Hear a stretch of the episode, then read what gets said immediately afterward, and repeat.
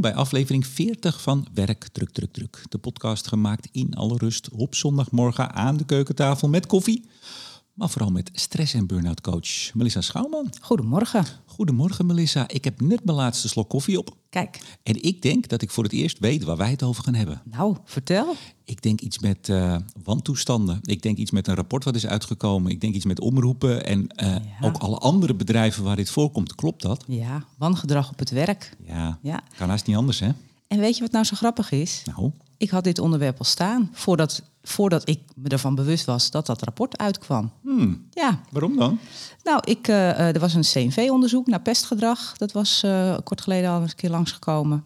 En ik was toevallig in een personeelsblad van mij aan het lezen. Daar stond een mooi onderzoek naar vanuit het beleid, zeg maar, gezien. Ja? Als er incidenten zijn met grensoverschrijdend gedrag, vond ik ook interessant. Mhm. Dus ik had het al staan. Nou, En toen ineens kwam dit hele grote rapport er nog bij. Ja, en dan kan ik me voorstellen dat luisteraars denken... ja, het, ik heb het al overal gehoord. De kranten stonden er vol van. Het was bij de talkshowtafels. Wat kunnen jullie daar nou nog aan toevoegen? Nou ja, als je eh, de afgelopen tijd naar de, de talkshowtafels hebt zitten luisteren, dan was dat allemaal nogal heigerig. Eh, en ook best wel moeilijk, want dat is de omgeving waar dit soort dingen eh, ontstaan zijn.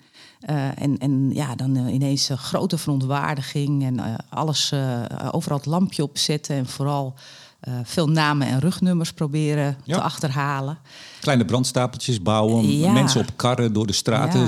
voortsleuren. En zoiets. juist uit, uit die omgeving zelf is dat best moeilijk. Eh, ik hoor dat ook wel om me heen al een beetje. eh, m- mensen die zoiets hebben van ja, dat is nou juist de plek eh, waar het misschien ook wel aan de hand is geweest. Of hè, die ervan wisten. Ja, want het, nou, het schijnt best wel dat in de wandelgangen er al veel bekend was over eh, de, de- sommige toestanden bij Mhm. Ja. sommige redacties. Ja. Dus dat is een beetje moeilijk. Dus eh, het is nogal heigerig en nogal eh, ja, Wij beetje, gaan hier de- beetje heksenjacht. we gaan de verdieping in. Ja, wij zijn niet zo heigerig, wij zijn wat nuchter. En eh, ik heb er ook wat in- andere informatie dus bij gehaald, omdat ik het al eh, op de rol had staan, dit onderwerp. Kijk eens aan. Voordat we dat nou gaan doen, heb ik begrepen dat jij een fragment wil laten horen. Ja, ja. Wat voor fragment is dat? ja, want toen ik dacht over eh, gedrag op het werk, hè, dan kan je natuurlijk het hebben over het goede gedrag, Mhm. het minder goede gedrag.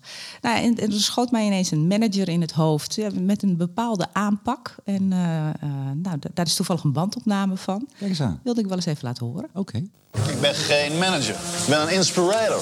En wij werken hier met eh, fun, friendship, finance. Hier is dus de hele afdeling sabbatical. Mental coaching, stukje zelfontplooiing, positieve energie. Om mensen te houden, moet je Fransen houden.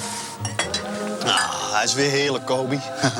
en dan denk ik, Jos, hou dit vast. Jos! Hey, heb je... Even die! Kunnen jullie nou helemaal niet alleen? het je hoofd Het spijt me gewoon van eh daarnet. Zeg maar gewoon... Jos, je bent een eikel. Kom maar. Kom maar, kom maar, kom maar. Vier uur kuppensoep, dat zouden meer mensen moeten doen. Melissa, wat doet Jos hier niet goed? Nou, Sjors doet, die heeft in ieder geval goede intenties. Dat Ja. hoor je wel aan het begin. Hè? Dat, eh, ja, dus echt, er zit ook een visie achter. Ja, hij is ook Wat geen hij- manager. Hè? Jij, kondigt hem aan als manager, maar dat klopt Ja, niet. hij is een inspirator. inspirator. Ja. Inspirator.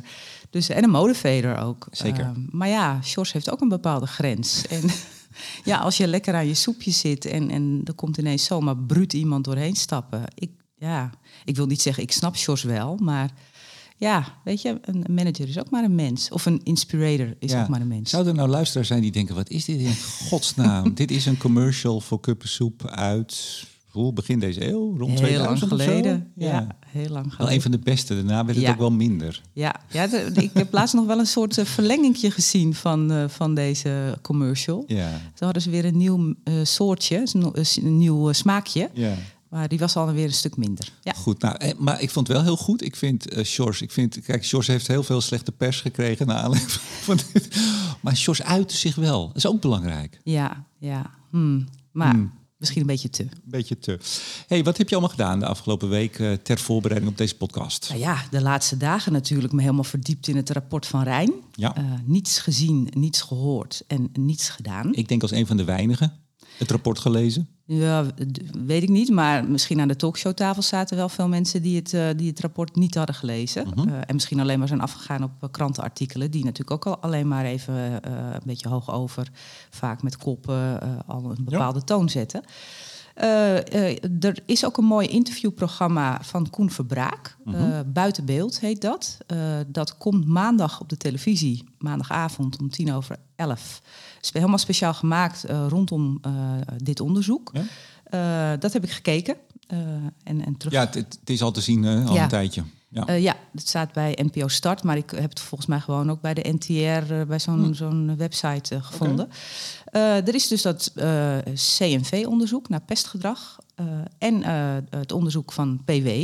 Naar, ja, daar gaan ze wat meer de diepte in over. je kan allerlei maatregelen als organisatie, moet je ook wel treffen. Vertrouwenspersonen, protocollen en dat soort dingen. En wat is nou de correlatie tussen eh, ervaren van veilig gedrag en, en dat soort maatregelen? Nou, het komt allemaal langs, denk ik. Ja. Of ja. niet? Jawel, het Jawel, komt allemaal zeker, het langs. komt allemaal Maar we langs. gaan, het een beetje, we gaan het een beetje vrij behandelen. Hè? Laten we beginnen met eh, Van Rijn. Ja, Van Rijn. Eh, Wat vond je van het onderzoek? ik vond het een goed gedegen onderzoek. Ja, ik was best. Ik wil niet zeggen dat, dat ik bijvoorbeeld wat sceptisch was, maar ik dacht wel, ja, hoe doe je dit nou goed? Hè? Hoe doe je nou recht aan, aan alle partijen? Eh, of dat helemaal gelukt is, dat is natuurlijk altijd moeilijk. Want degene die het, eh, ja, het gedrag hebben vertoond en die het hebben laten gaan, die zullen zich misschien eh, niet gehoord eh, voelen in, in, in wat er allemaal naar buiten is gekomen. Maar ik, eh, het komt op mij zeer zorgvuldig over. Ze hebben een, een vragenlijst vrij uitgebreid uitgezet bij de, bij de omroepen.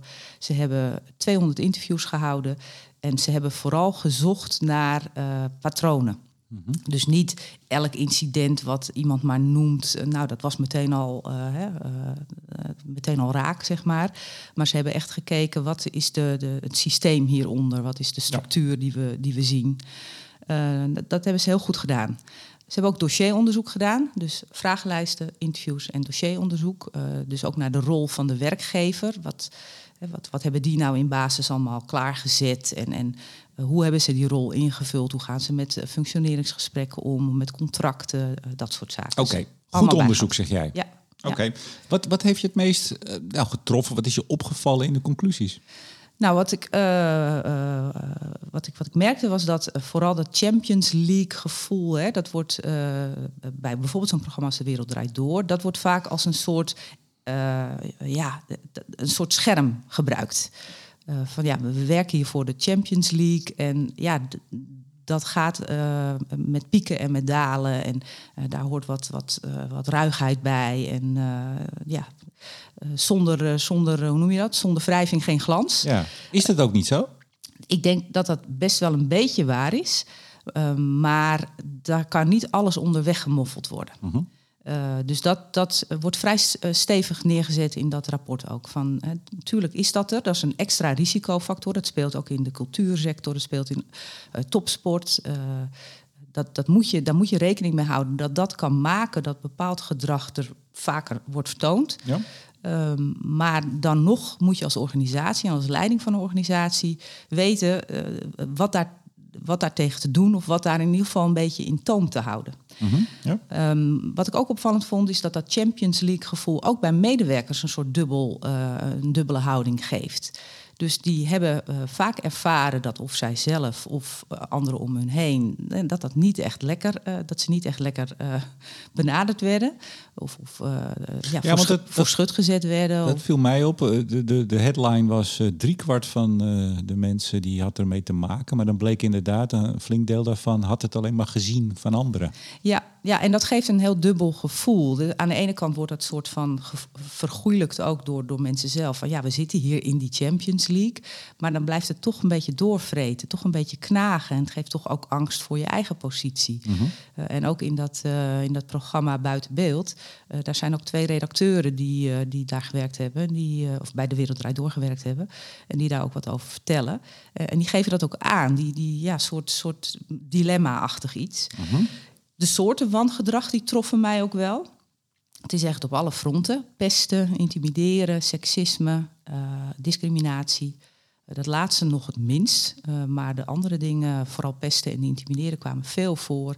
Mensen negeren, mensen voor schut zetten aan publiek, opmerkingen maken over vrouwen. Ook, ook waar allerlei andere mensen bij waren. Nou, de opmerking op zichzelf is al, kan al vervelend zijn. Maar dan ook nog met iedereen eromheen, waardoor er een soort sfeertje, een soort stemming ontstaat.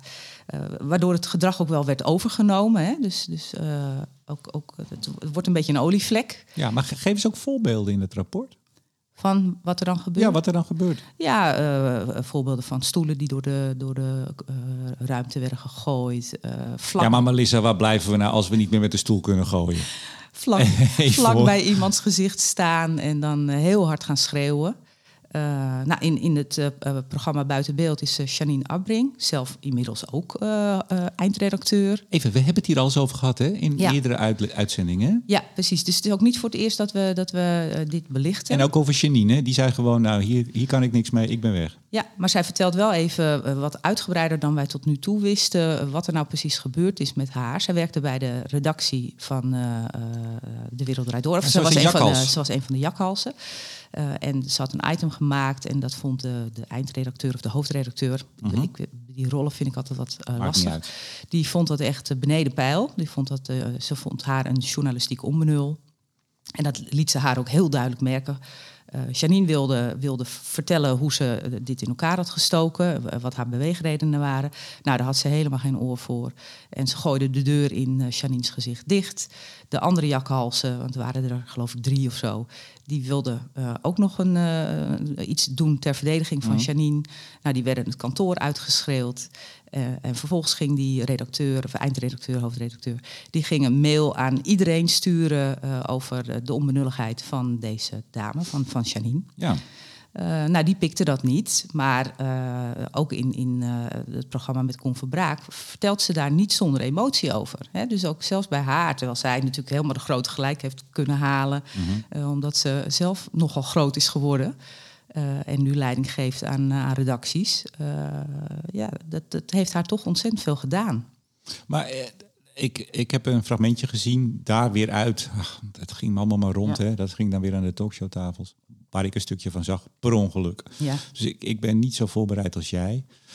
Um, ik kan me ook voorstellen dat... Um, ik denk, jij hebt ook wel eens wat meegemaakt, denk ik. Ja. Ik bedoel, uh, wij zijn ook uh, 30 jaar plus aan het werk. En je komt wel eens een gekke baas tegen. Je hebt volgens mij vorige keer nog wel eens iets over verteld uh, wat jij had. Niet zozeer persoonlijk tegen jou, maar gedrag van bazen. De sjorsen van deze wereld. Ik kan me ook voorstellen dat jaren later, als dat enorm groot wordt, met heel veel media-aandacht en aparte programma's en interviews. En ik zag ook iemand bij, ik dacht op RTL, bij aan de talkshowtafel ja, uh, als het lichtje er ook heel erg op wordt gezet hè, en je wordt helemaal gevraagd van, maar vertel het nog eens, doorleef het nog eens, dat het je ook misschien nog wel ja. achteraf meer gaat doen dan op dat moment. Ja.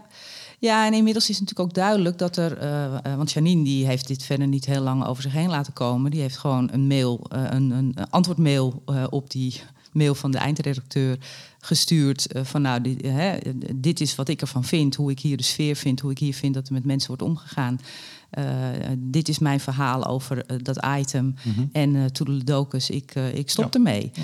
maar er zijn natuurlijk vele, ook mensen veel jonger dan zij... of veel minder, nog, nog veel minder thuis in die wereld... of heel graag toch per se in die wereld willen werken... of die inderdaad een contract waren aangegaan... waarbij ze al uitbetaald kregen voor het stukje seizoen... waarin mm -hmm. de Wereld Draait Door niet, niet actief was. Hè. Dus Dan moeten zelfs weggaan, teru geld teruggeven. Ja, dat is ook best wel een beetje een probleem geweest. Dat hebben we in, in een van die eerdere afleveringen eh, die we hier aan besteed hebben, hebben we het er ook ja. over gehad. Uh, aflevering 14 is dat. Toen hebben we het er ook over gehad. Een andere jakhals. En die presenteert nu die andere quiz. Die zei zo mee in de sport. Ik ben in zijn naam altijd kwijt. Ja, ik ook. Ik, ja. ik zeg bijna Erik, altijd... Erik heet hij volgens mij. Ja, precies, die. Want je had ja, dit kan ik natuurlijk niet zeggen, maar je had die dikke en die dunne. Die ging altijd met z'n tweeën. Nee, die, die Frank Evenblij, ja, die is toch alweer een beetje grensoverschrijdend. Ja, verschrikkelijk. Ja. Nou, Frank Evenblij en hij was die dunne. Die trokken we altijd samen op. Nou ja. goed, die, die andere jongen dus. Ja. hoe, hoe heet die nou, zei je? Erik, volgens mij, van zijn voornaam. Ik weet zijn achternaam niet. Nou, die heeft ook wel eens wat gedaan. Die heeft toen een keer een, een fles bier of zo op een rondvaartboot gegooid. Weet je dat nog? Was ook een enorme rel uit het oh. hotelraam. Doet oh. er niet toe. Die vond dat, oh ja, nou heb je hem. Die vond het eigenlijk heel fijn, die werksfeer bij de Wereld Door. Die, ja. kon, die gedijde daar enorm goed in. Ja, ja dat kan. Die gooide dus later, denk ik, pas een bierfles op een woon of op een uh, rondvaartboot. Ja, die was misschien een van die mensen die het gedrag ook wat ging overnemen of zo. Ja, nee. Nee, maar dus er zijn ook mensen. Nee, dat klinkt een beetje raar, maar het lijkt nu of iedereen daar maar slachtoffer is. Maar er zijn ook mensen die. Hij vond het echt een. een hij, hij gedijde daar, zei hij zelf. ja. ja.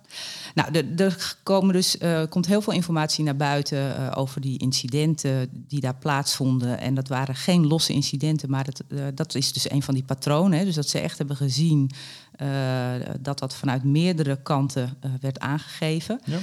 Uh, en de, de, meeste wisten we al wel hoor, want in dat Volkskrant-artikel waar het ooit allemaal mee begonnen is, uh, daar stond het ook allemaal wel. Mm -hmm.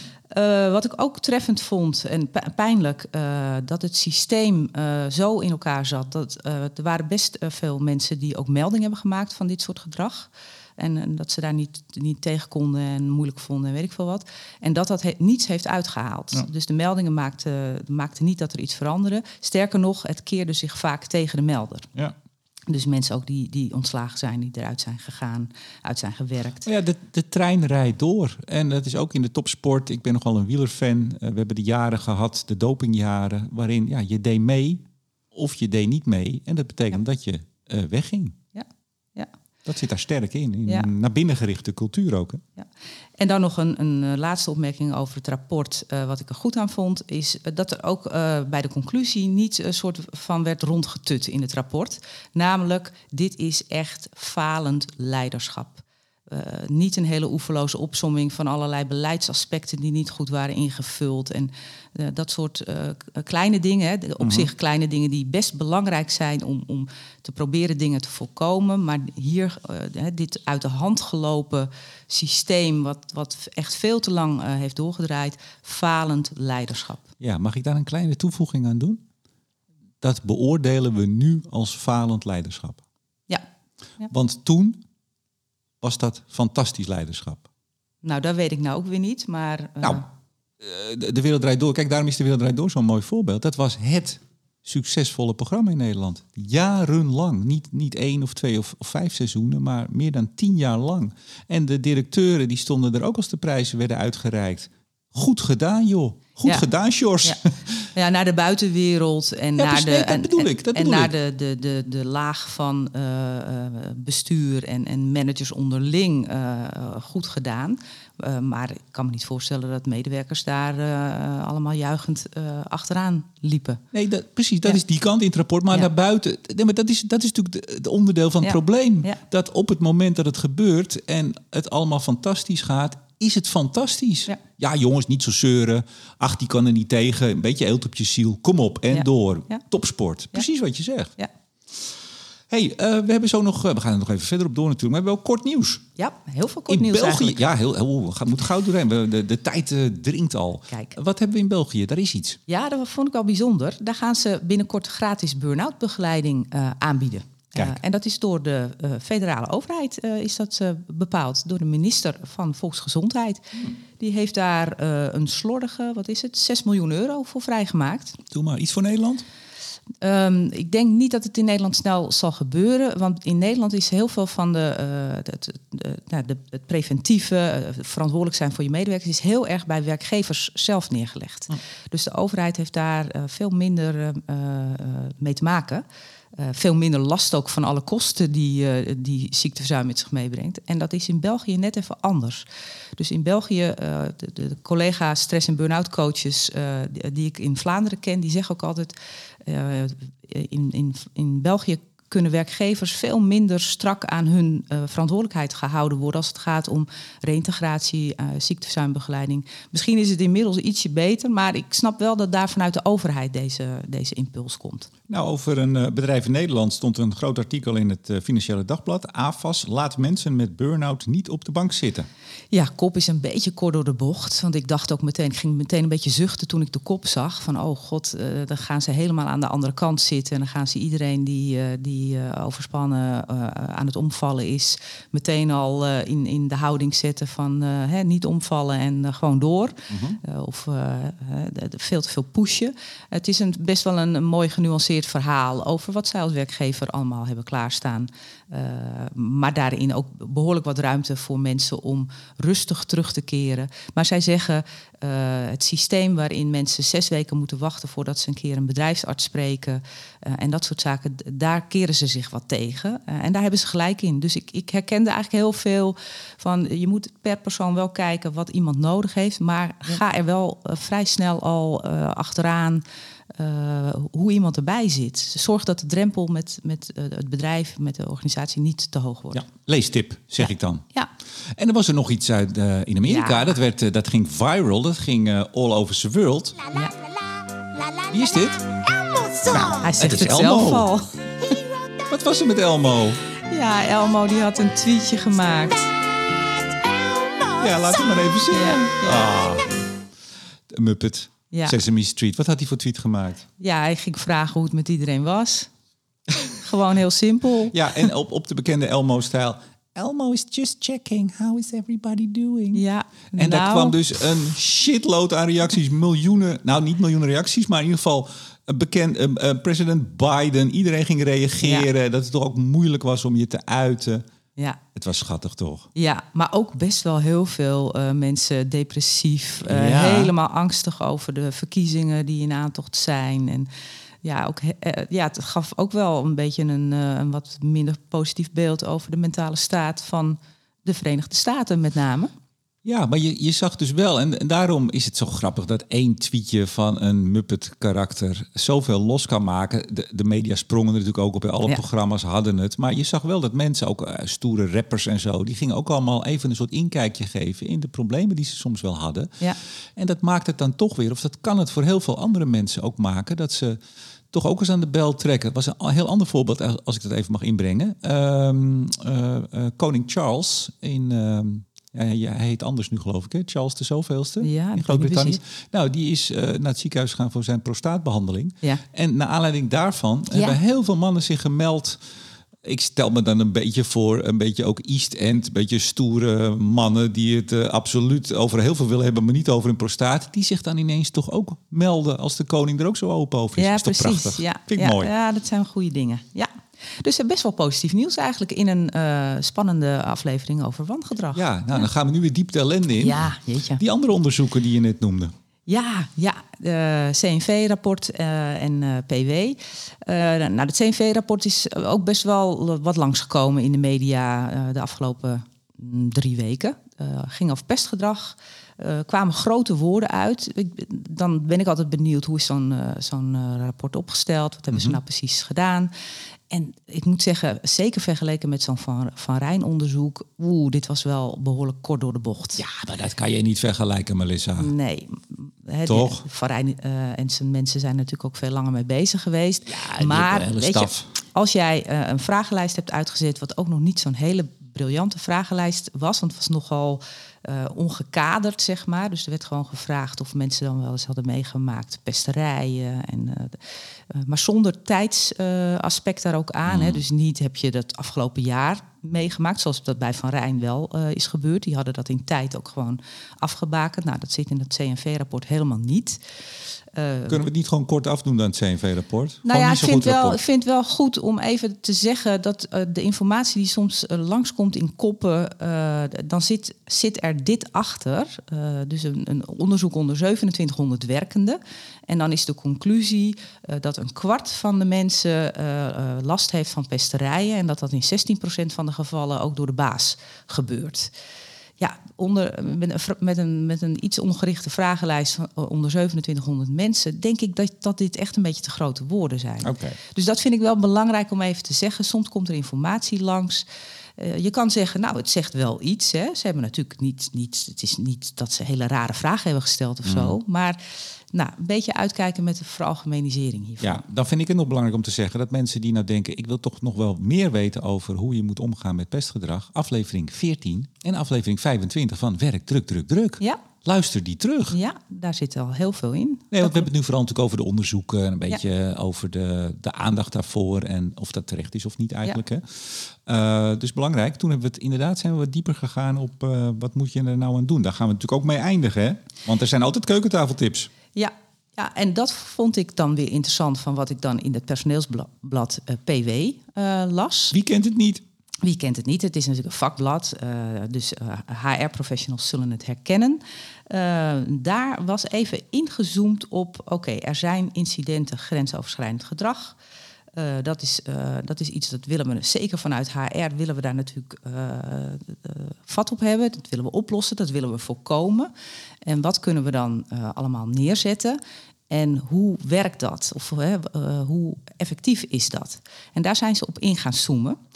Dus er zijn meer de correlatie tussen uh, die incidenten en wat er dan aan gedaan kan worden en of dat dan werkt.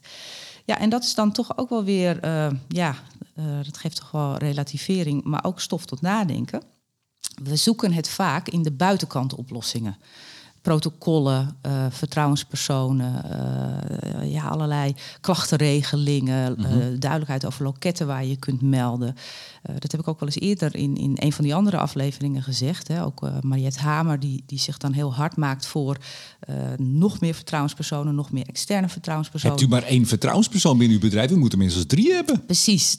En ik wil, wil niets afdoen aan de, de, belangrijkheid van vertrouwenspersonen, maar uit de, de correlatie, dat correlatieonderzoek mm wat uh, PW uh, even heel beperkt had gedaan, uh, daar blijkt wel uit dat zijn buitenkant oplossingen. Tuurlijk. Die moet je wel nemen om erger te voorkomen of om te laten zien dat je dingen hebt klaarstaan, zijn doekjes voor het bloeden. Dat gaat niet maken dat je een veilig klimaat aan het creëren bent.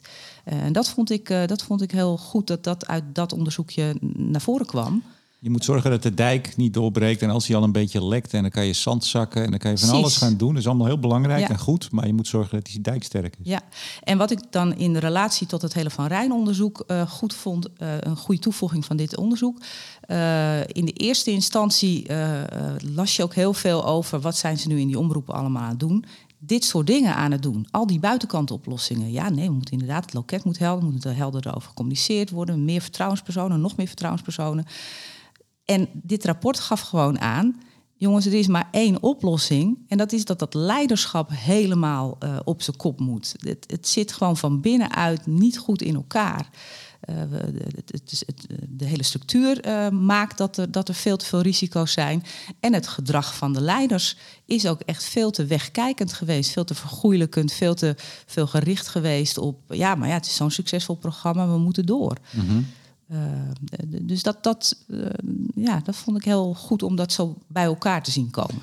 Welke inzichten kun jij tot slot nog aan luisteraars meegeven? Je gaf nu al een hele belangrijke natuurlijk. Ja. Hè? Want ik kan me ook voorstellen, nou ik heb al verwezen naar, uh, wat was het, 14 en 25 de afleveringen. Maar ik kan me toch voorstellen dat het best lastig is. Hè? Dus nou ja, de, dat rapport is er. Ik zou ook zeggen, ga het lezen. Ja, hè? zeker. er nou zit in... heel veel goede informatie ook in. soort achtergronden. Uh, neem er ook even de tijd voor, want het is nogal dik. Uh, dus, uh, ja. ik, ik, ben er ook nog niet helemaal doorheen. Dus die achtergronden ga ik op ja. een ander moment nog Nee, maar dus lees het rapport maar. mensen die nou luisteren en die zeggen, nou, dit speelt bij ons ook. Of we willen voorkomen, we willen zorgen dat die dijk sterk is en ook sterk blijft. Hè, en dat hij niet gaat scheuren. Wat kun jij nog meegeven? Dat is een hele brede vraag natuurlijk. Dus misschien ook heel lastig om te beantwoorden.